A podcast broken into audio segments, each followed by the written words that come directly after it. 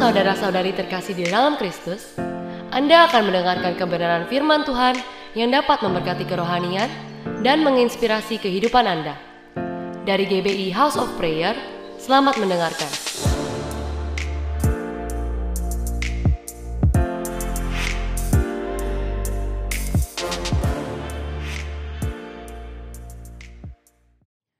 Shalom, selamat pagi.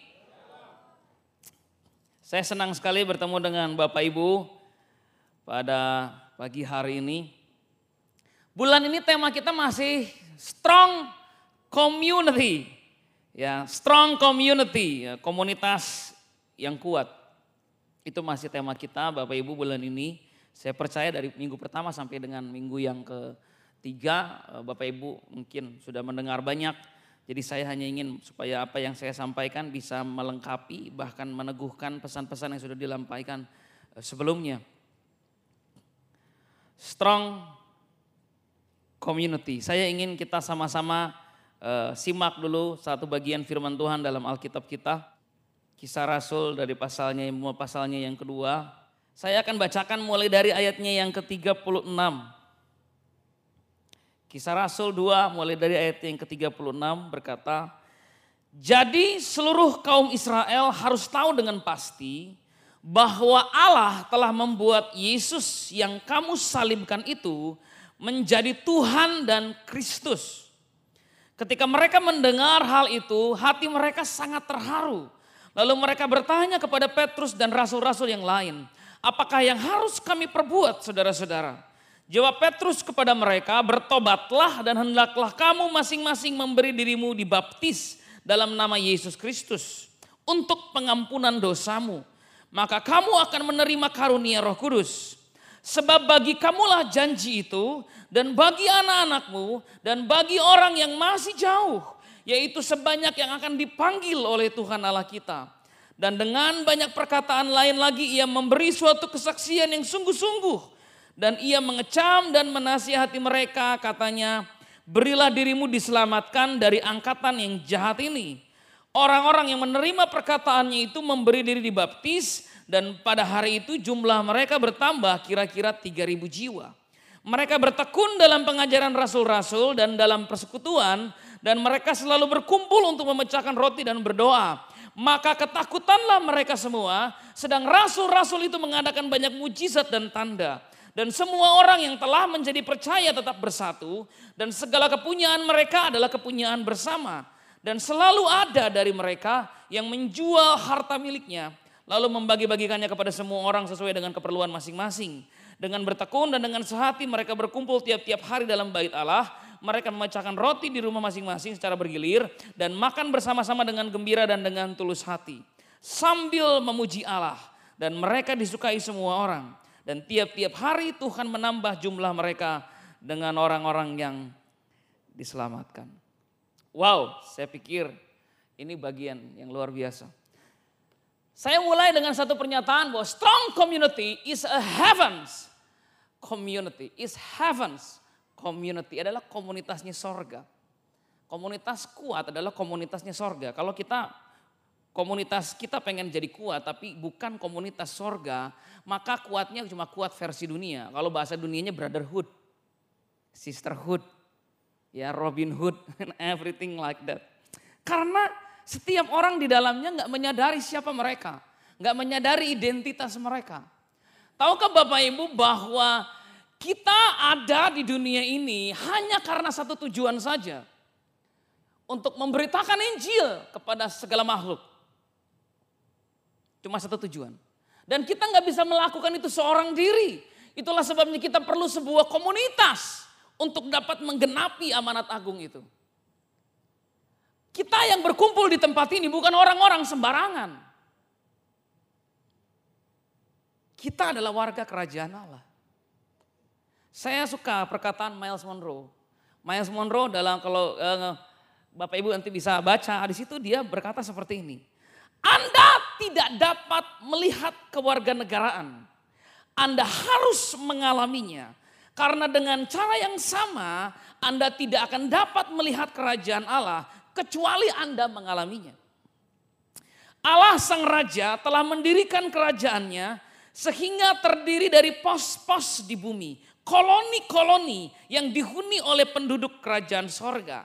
Ketika Adam dan Hawa menyatakan kemerdekaan dari pemerintahan sorga, mereka terpisah dari kerajaan sorga dan akhirnya harus mendirikan pemerintahan mereka sendiri.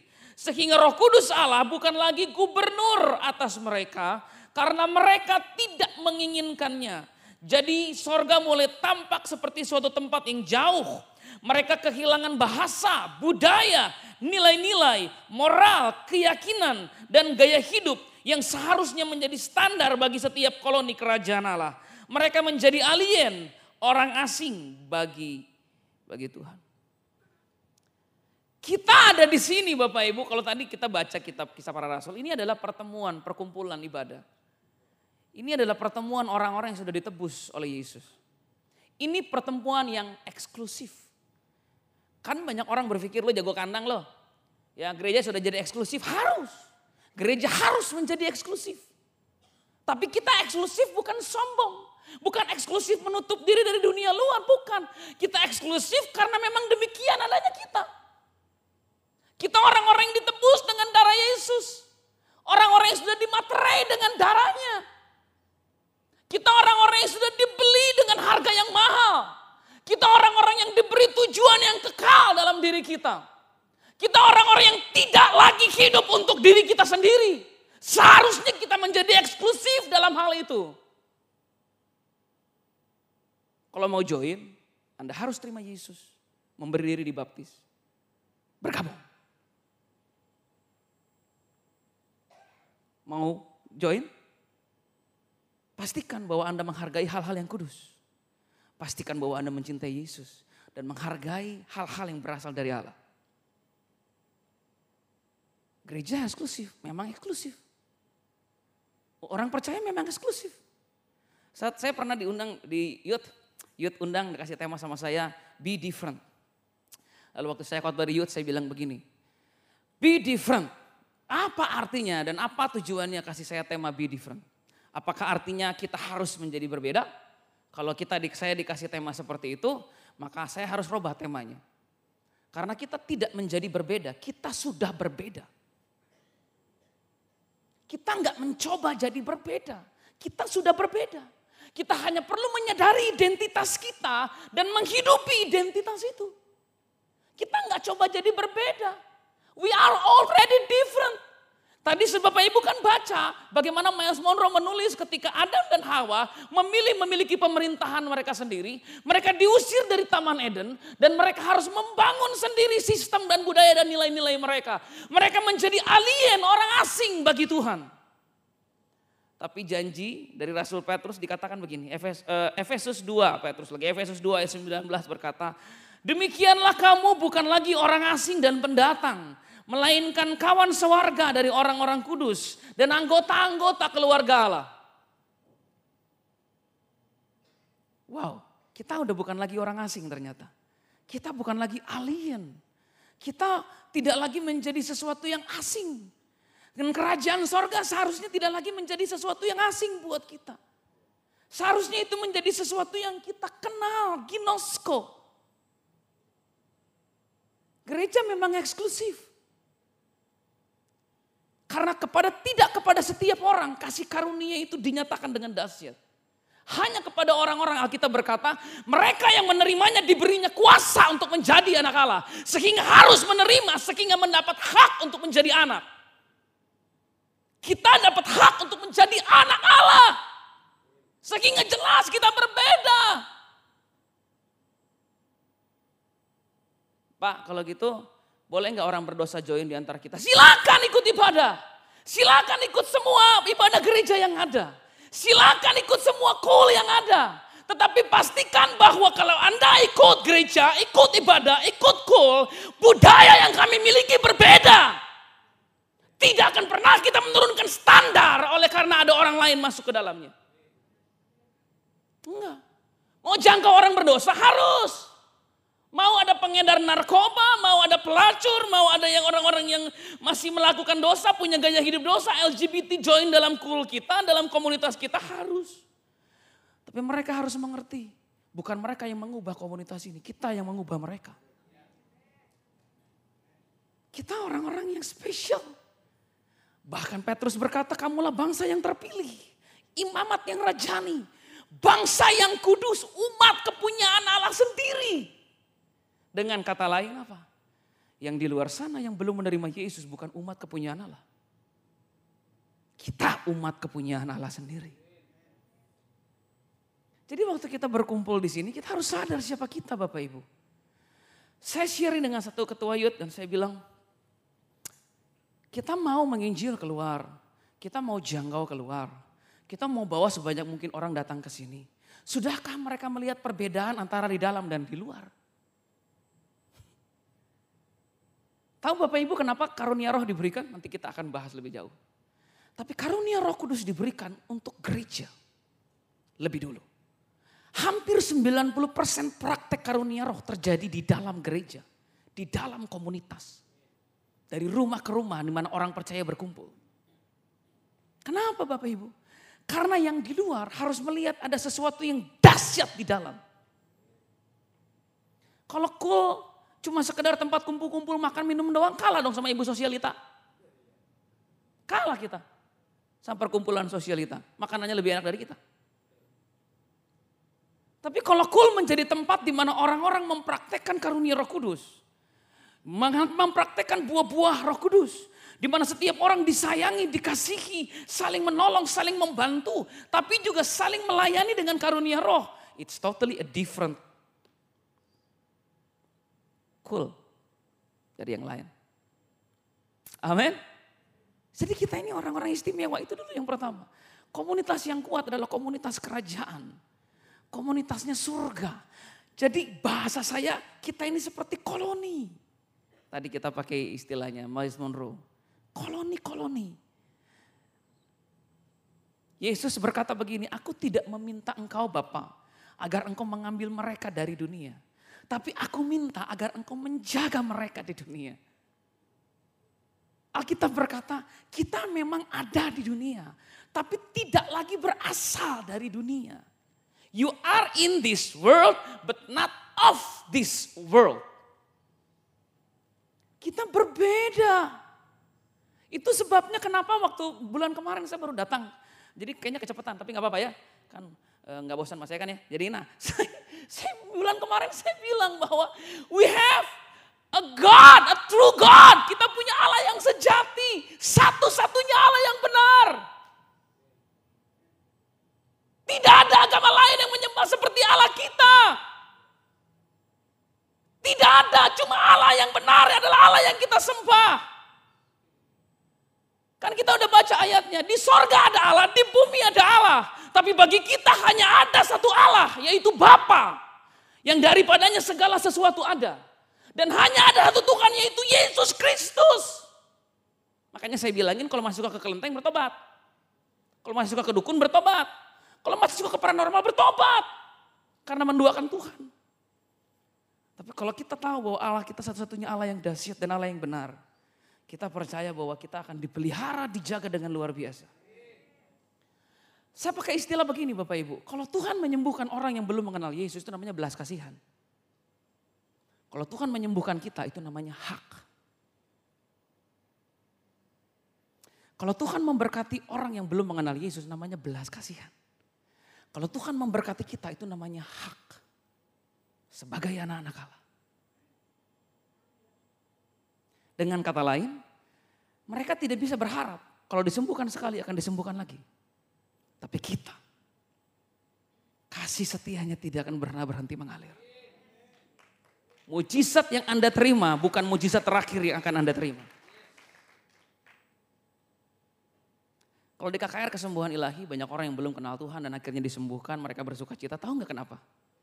Supaya lewat mujizat yang terjadi. Kebaikan Tuhan menuntun orang pada pertobatan.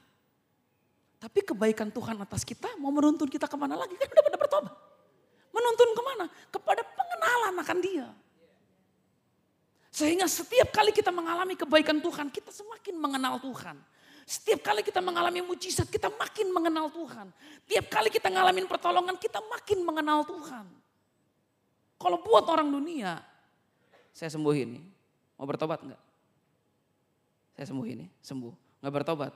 Jangan harap ada kesempatan kedua. Kalau Tuhan masih kasih kesempatan lagi.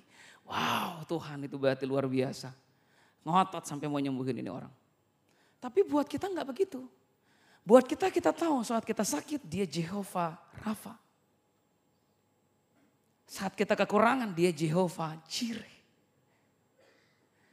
Saat kita merasa sedang tertekan luar biasa, dia Bapa. Kita nggak lagi hidup mengharapkan belas kasihan. Kita nggak lagi. Kita punya hak untuk disembuhkan. Tahu Bapak Ibu kenapa untuk bagian orang tertentu dipercayakan karunia roh kudus, kesembuhan, pemulihan, mujizat, karunia iman. Karena orang-orang ini dengan karunia yang ada memiliki tanggung jawab memastikan orang-orang yang punya hak untuk disembuhkan, dipulihkan, dimerdekakan, dibebaskan, menerima bagian mereka. Kalau karunia roh kesembuhan yang saya punya, memang saya nggak punya, tapi cuma contoh. Kalau saya punya karunia kesembuhan dan akhirnya saya menyembuhkan orang yang tidak percaya, itu adalah sarana untuk memberitakan Injil sehingga orang ini bertobat. Tapi kalau saya punya karunia kesembuhan dan saya menyembuhkan saudara, itu hak Anda untuk dilayani oleh saya. Karena saya wakil kerajaan Tuhan. Sama, kalau saudara punya karunia dan saudara melayani saya, itu hak saya untuk dilayani oleh saudara. Karena saya warga kerajaan. Jadi betapa istimewanya kita. Betapa spesialnya kita di mata Tuhan. Yang membedakan kita dengan perkumpulan mana pun, agama mana pun, komunitas mana pun yang ada di muka bumi. Komunitas yang kuat adalah orang-orang yang menyadari siapa mereka. Siapa saudara? Amin. Identitas saudara. Siapa? Kita nggak lagi bikin kul-kulan, komunitas-komunitasan. Bukan. Kita ini koloni kerajaan. Makanya saya mulai hari ini mulai menyadari, mengerti bahwa Ya Aba, Bapak ini aku anakmu. Ya makin ngerti bahwa aku ini anak aku anak, dia akan pelihara aku. Kalau Tuhan mau main prioritas, dia akan prioritas anak-anaknya dulu, baru bukan anak. Saya mau kasih contoh. Anggap di Indonesia terjadi kerusuhan. Pembakaran di mana-mana. Kekecauan di mana-mana. Kerusakan di mana-mana. Pembunuhan, pokoknya segala macam lah. Mungkin di 98, pokoknya kacau. Lalu tiba-tiba pemerintah Amerika lewat kedutaan yang berkata begini. Buat setiap saudara warga negara Amerika Serikat, kami menyediakan pesawat untuk membawa saudara pulang. Saya bukan orang Amerika. Terus tiba-tiba saya marah-marah depan kedutaan. Woi, jangan rasis. Masa yang lo selamatin cuma wagal doang? Gua juga harus. Menurut saudara yang salah siapa? Saya atau kedutaan Amerika? Siapa yang salah? Yang salah saya atau kedutaan Amerika? Ya saya. Karena kedutaan Amerika cuma bertanggung jawab dengan warganya. Saya mau katakan krisis boleh terjadi di dunia ini. Tapi kita dipelihara oleh kerajaan yang tidak tergoncangkan. Kenapa? Karena kerajaan akan mulai bertanggung jawab atas kita. Kerajaan akan lebih dahulu bertanggung jawab atas umatnya. Paulus berkata kepada Timotius pada hari terakhir akan datang masa yang sukar. Benar ya? Nah, wah, tapi itu bukan cuma sekedar warning, itu itu seperti sebuah pernyataan begini, tenang. Masa yang sukar akan datang, tapi umat Tuhan akan dipelihara. Saudara tahu kenapa? Karena kita bukan lagi berasal dari dunia ini. Jadi ketika saudara bergabung dalam komunitas-komunitas kecil, saudara menyadari panggilan Tuhan dalam hidup saudara begitu istimewa di mana saudara akan diberi kesempatan oleh Tuhan untuk memanifestasikan semua yang sudah Tuhan berikan atas saudara. Memanifestasikan karunia-karunia roh kudus. Memanifestasikan buah roh. Paulus pernah bilang begini, saling-saling bertolongan deh. Kalau ada yang susah bantu deh. Terutama kepada orang kudus. Kenapa? Kenapa harus dia berkata khususnya, terutama kepada orang kudus? Karena Paulus tidak bisa menyangkali bahwa Kita adalah satu kumpulan orang yang istimewa. Orang di luar sana harus melihat di sini banyak orang yang diberkati. Di sini banyak orang yang saling tolong menolong. Di sini banyak orang yang saling menyembuhkan, saling memulihkan, bukan saling menghakimi dan saling menjatuhkan. Tapi saling meneguhkan, saling menguatkan. Saudara tahu kalau kita mau dengar khotbah motivasional saudara kudu bayar? Di sini enggak. Saya mau kasih lihat saudara tapi enggak eh, sempat. Satu WhatsApp dari satu orang di luar kota. Selesai saya pelayanan di, di kota itu. Waktu saya altar call ada mamanya datang altar call lalu doain. Selesai anaknya mungkin minta nomor telepon saya ke pengerja dan dia WhatsApp saya, Shalom Pak, eh Shalom, ngobrol-ngobrol-ngobrol terus Pak, saya mau kirim, dia kirim sesuatu, tulisannya begini, transfer energi ilahi, bayar 2 juta sekali transfer energi ilahi, atau kalau mau pilih paket 12 kali, harganya sekian belas juta kalau saya tidak salah. Transfer energi ilahi bayar. Di sini transfer energi ilahi gratis. Orang saking ingin sembuh cari pengobatan kayak gitu.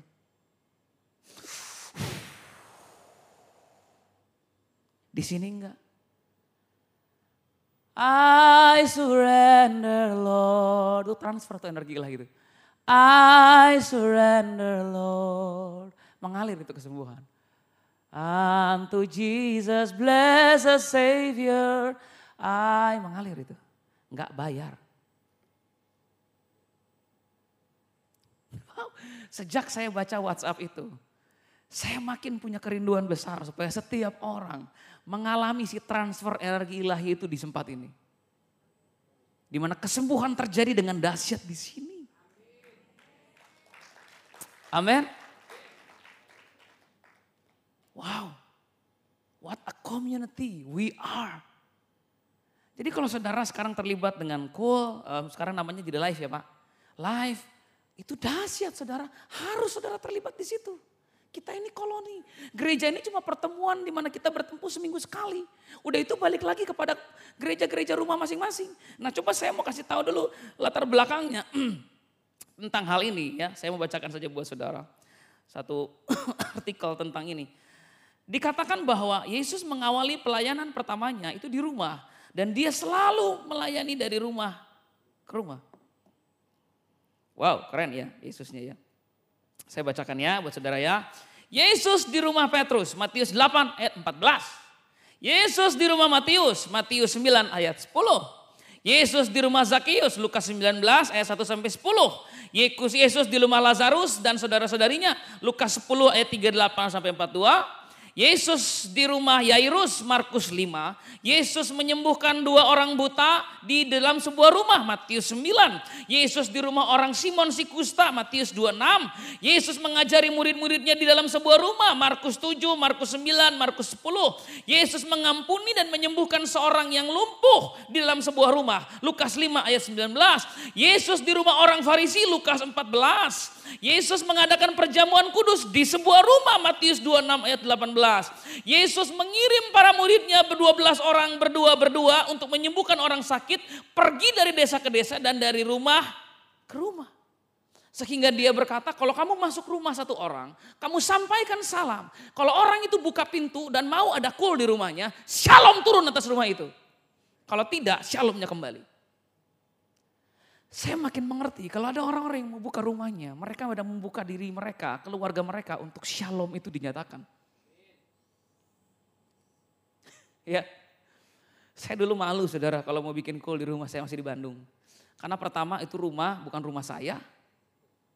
Dan yang kedua itu rumah kayaknya enggak enggak worth it banget buat jadi tempat perkumpulan. Kayaknya enggak keren. Kayaknya sederhana sekali. Tapi tiba-tiba Tuhan merubah pola pikir saya dengan no no no. Kalau kamu buka rumah, kamu mengundang shalom. Turun atas rumah kamu. Karena setiap orang yang datang, shalom, shalom. Kan dahsyat. Baru datang saudara, shalom, udah shalom. Wow. Siapa yang rumahnya kagak mau digituin? Amin. Kalau saudara punya rumah, Ya minimal bukan dua kali dua, dua kali tiga. Karena itu rumah semua orang nanti. Tapi saudara punya rumah. Buka rumahmu supaya shalom itu turun. Buka rumahnya untuk cool. Buka. Jangan malu rumahnya Pak, rumah saya chatnya udah pada pecah-pecah. Jangan. Kalau shalom Tuhan turun, Anda diberkati lebih dari yang Anda butuhkan. Anda jadi berkat buat orang. Amin. Amin. Coba tepuk kanan kirinya, buka rumah kamu.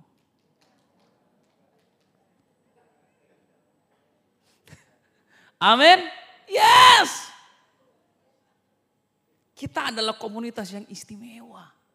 Begitu istimewa dan spesial bagi Tuhan. Dan orang dunia harus lihat betapa istimewanya kita. Sehingga mereka berkata, wow di tengah-tengah kalian sungguh ada Tuhan. Amin. Strong community is heaven's community. Kita nggak sekedar kumpul-kumpul. Kita kumpul dengan sebuah tujuan. Supaya damai sejahtera Tuhan turun ke rumah yang kita datangi. Damai sejahtera turun, Tuhan turun atas setiap orang yang hadir. Dan kita akan lebih efektif melayani ketika ada orang yang sakit. Ada orang yang membutuhkan. Karena di rumah, saudara bayangin kalau altar call, saya kemarin pelayanan di luar kota, altar call selesai selesai ibadah jam setengah lima. Selesai ibadah jam enam. Dari jam enam sampai jam delapan kurang lima belas saya kagak duduk-duduk. Altar call orang beranteng berdiri di depan. Selesai, selesai saya bilang, udah pak, udah pak, jam berapa sekarang? 8 pak, 8.15. Hah? Saya dua jam. Berdiri nggak sadar doain orang, ada yang pelepasan, ada yang segala macam. Karena sudah ada bayangin, kalau semua masalah sudah diselesaikan di kul demi kul, di gereja kagak banyak.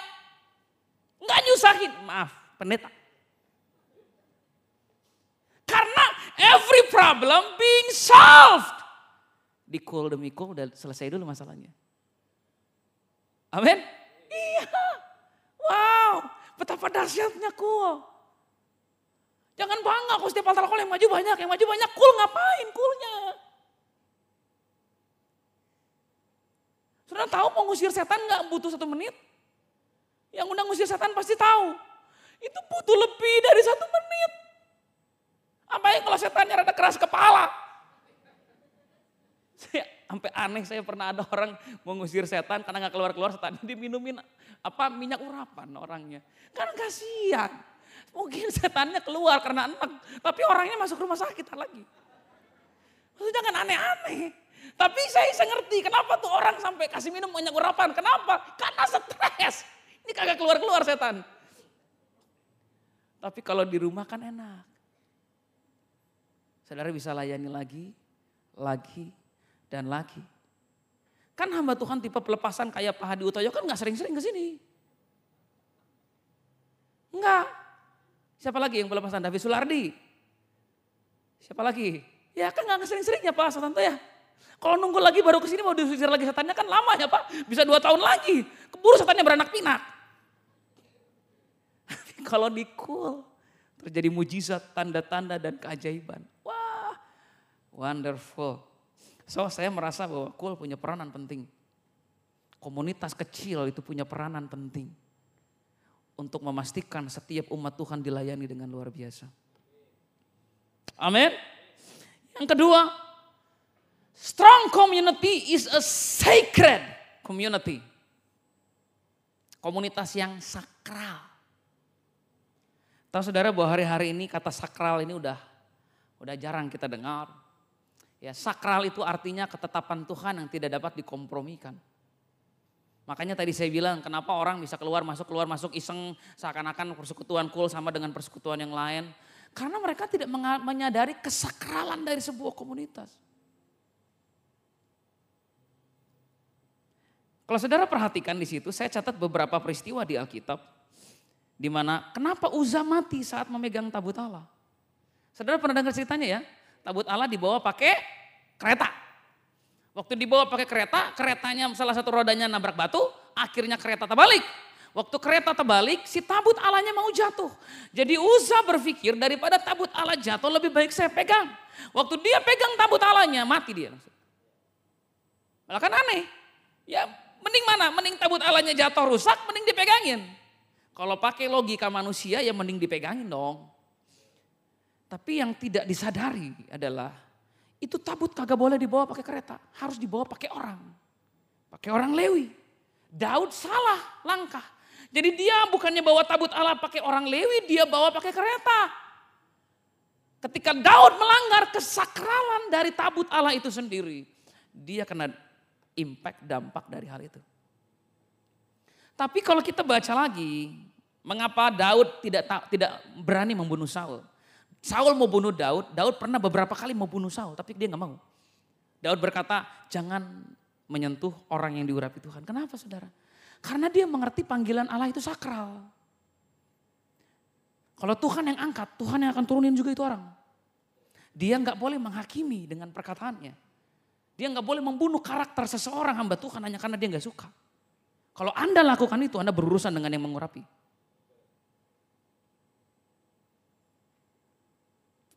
Kenapa sakral? Karena Paulus pernah memperingatkan, siapa saja yang berniat menghancurkan bait Allah, Allah akan menghancurkan dia.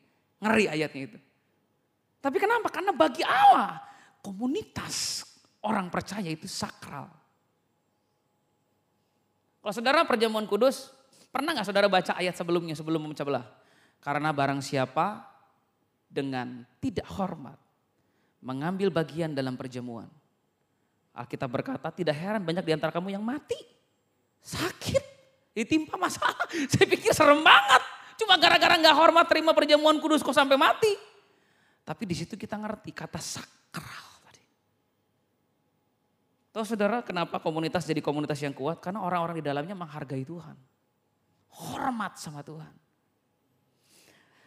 Amin. Sacred means God's order that cannot be compromised. Saya dalam pelayanan menyadari bahwa ada banyak orang yang mengalami kegagalan dalam pernikahan.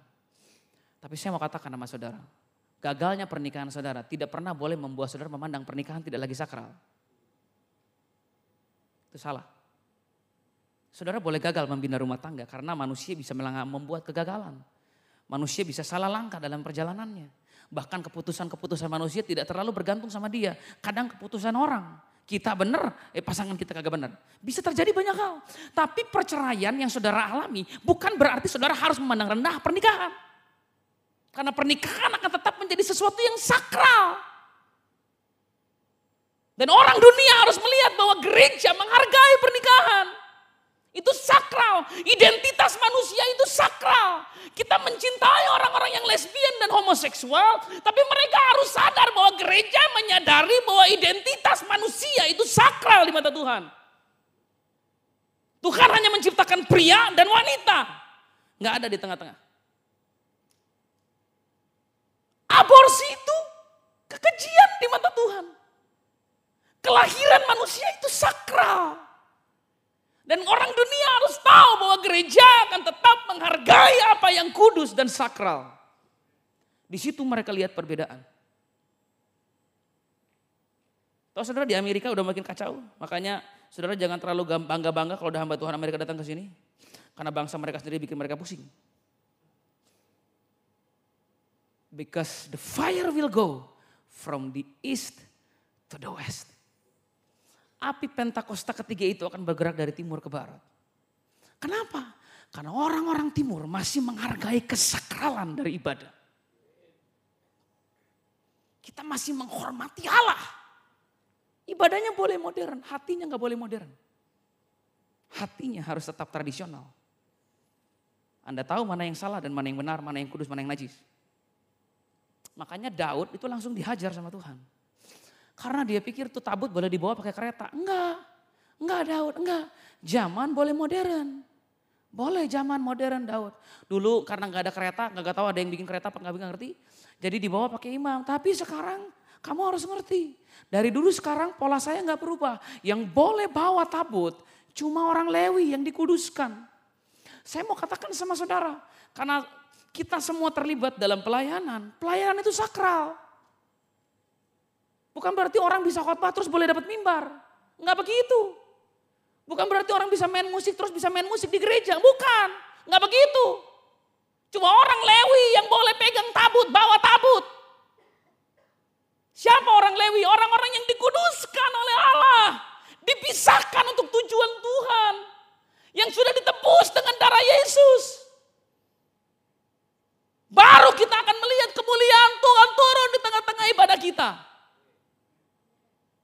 Kita nggak menghargai lagi apa yang sakral, Tuhan juga nggak akan menghargai. Dan dia nggak mau turun di tempat yang apinya asing. Amin. Jadi mulai hal ini kita sadar. Di komunitas-komunitas lah kita belajar tentang kesakralan ini. Di komunitas kita bisa berbicara dengan lebih jelas tentang bagaimana menghargai hal-hal yang kudus. Kalau saudara masih bergumul untuk hidup dalam kekudusan, gereja akan membantu saudara. Kita akan bersama-sama membantu kita, saudara untuk bisa hidup seperti apa yang Tuhan mau. Amin. Amin. Itulah anugerah. Makanya kita berbeda dengan dunia. Berbeda. Kita berbeda. Strong community is a sacred community.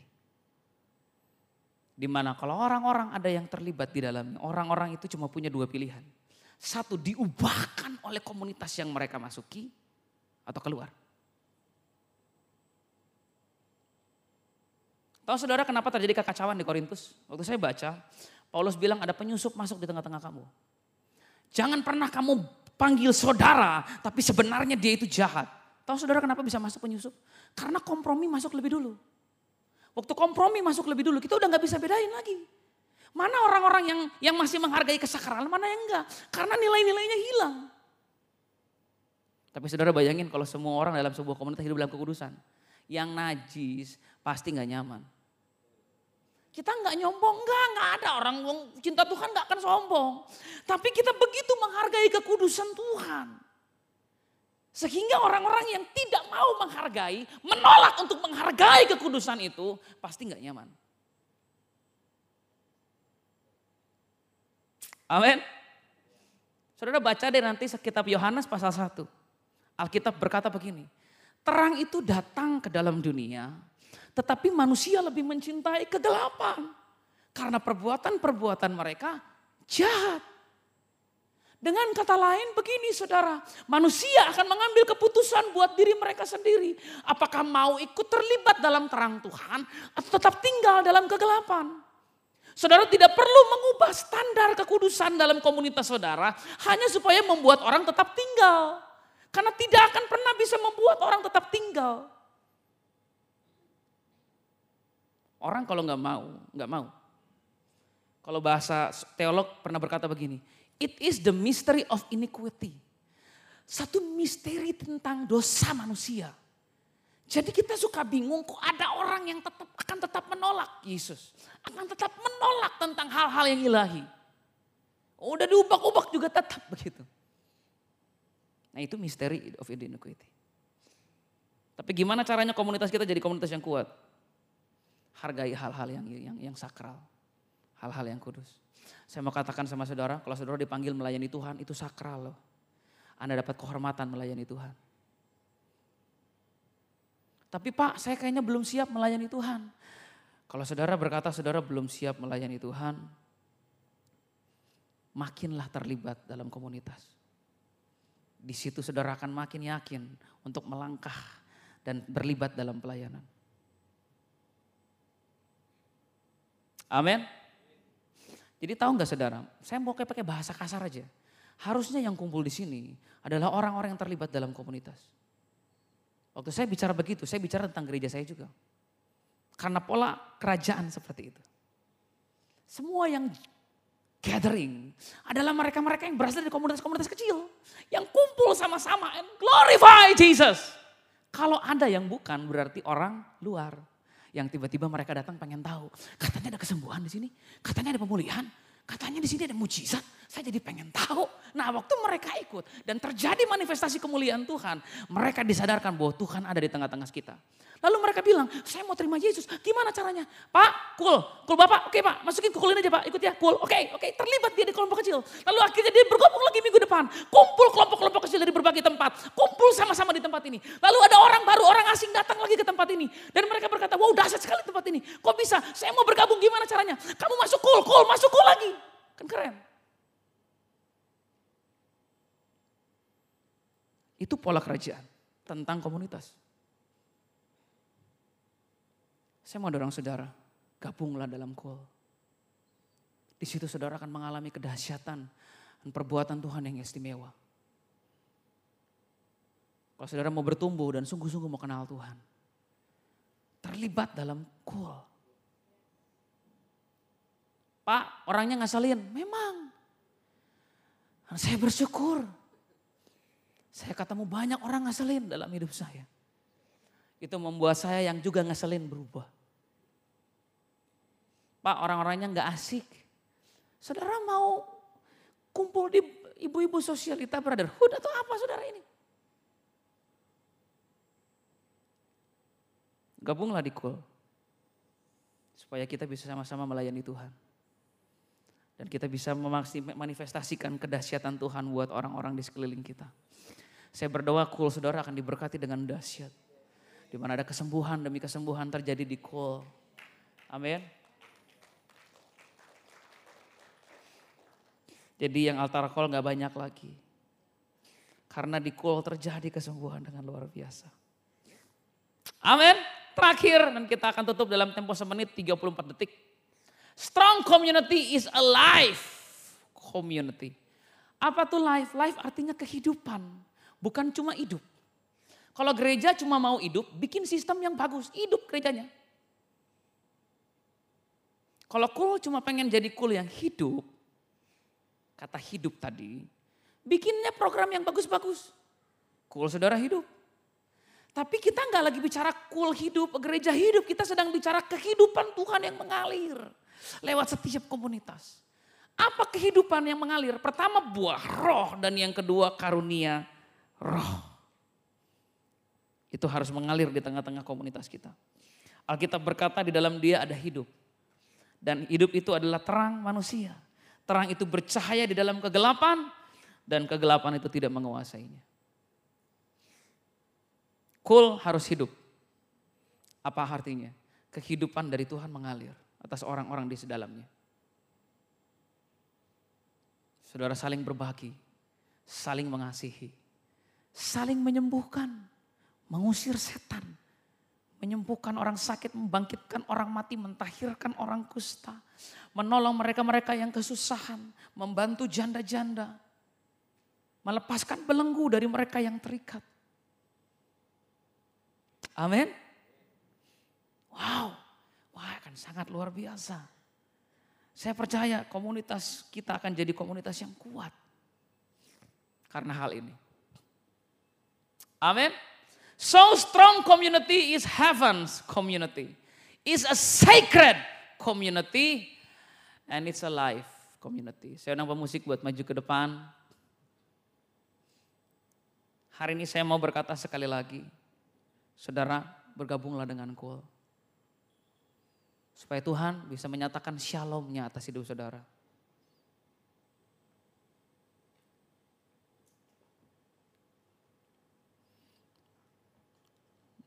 Dalam Wahyu pasal 5 ayat 9, pasal 7 ayat 9 digambarkan tentang kehidupan di sorga yang begitu indah. Di mana setiap orang dari segala bangsa, suku, kaum dan bahasa menyembah Tuhan sama-sama. Wow. Dahsyat ya. Itu luar biasa. Tahu saudara yang nyembah Tuhan sama-sama siapa? Mereka yang berpakaian putih. Siapa mereka? Mereka adalah orang-orang yang tidak menyayangkan nyawanya sampai kepada kematian. Siapa mereka? Mereka adalah orang-orang yang sudah dibeli dengan darah Yesus.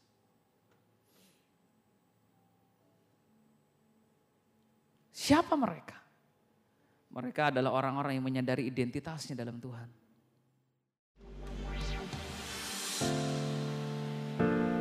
Anda telah mendengarkan sharing firman Tuhan yang disampaikan oleh hambanya. Dapatkan rekaman ibadah melalui website hope.church/sermon. Tuhan Yesus memberkati.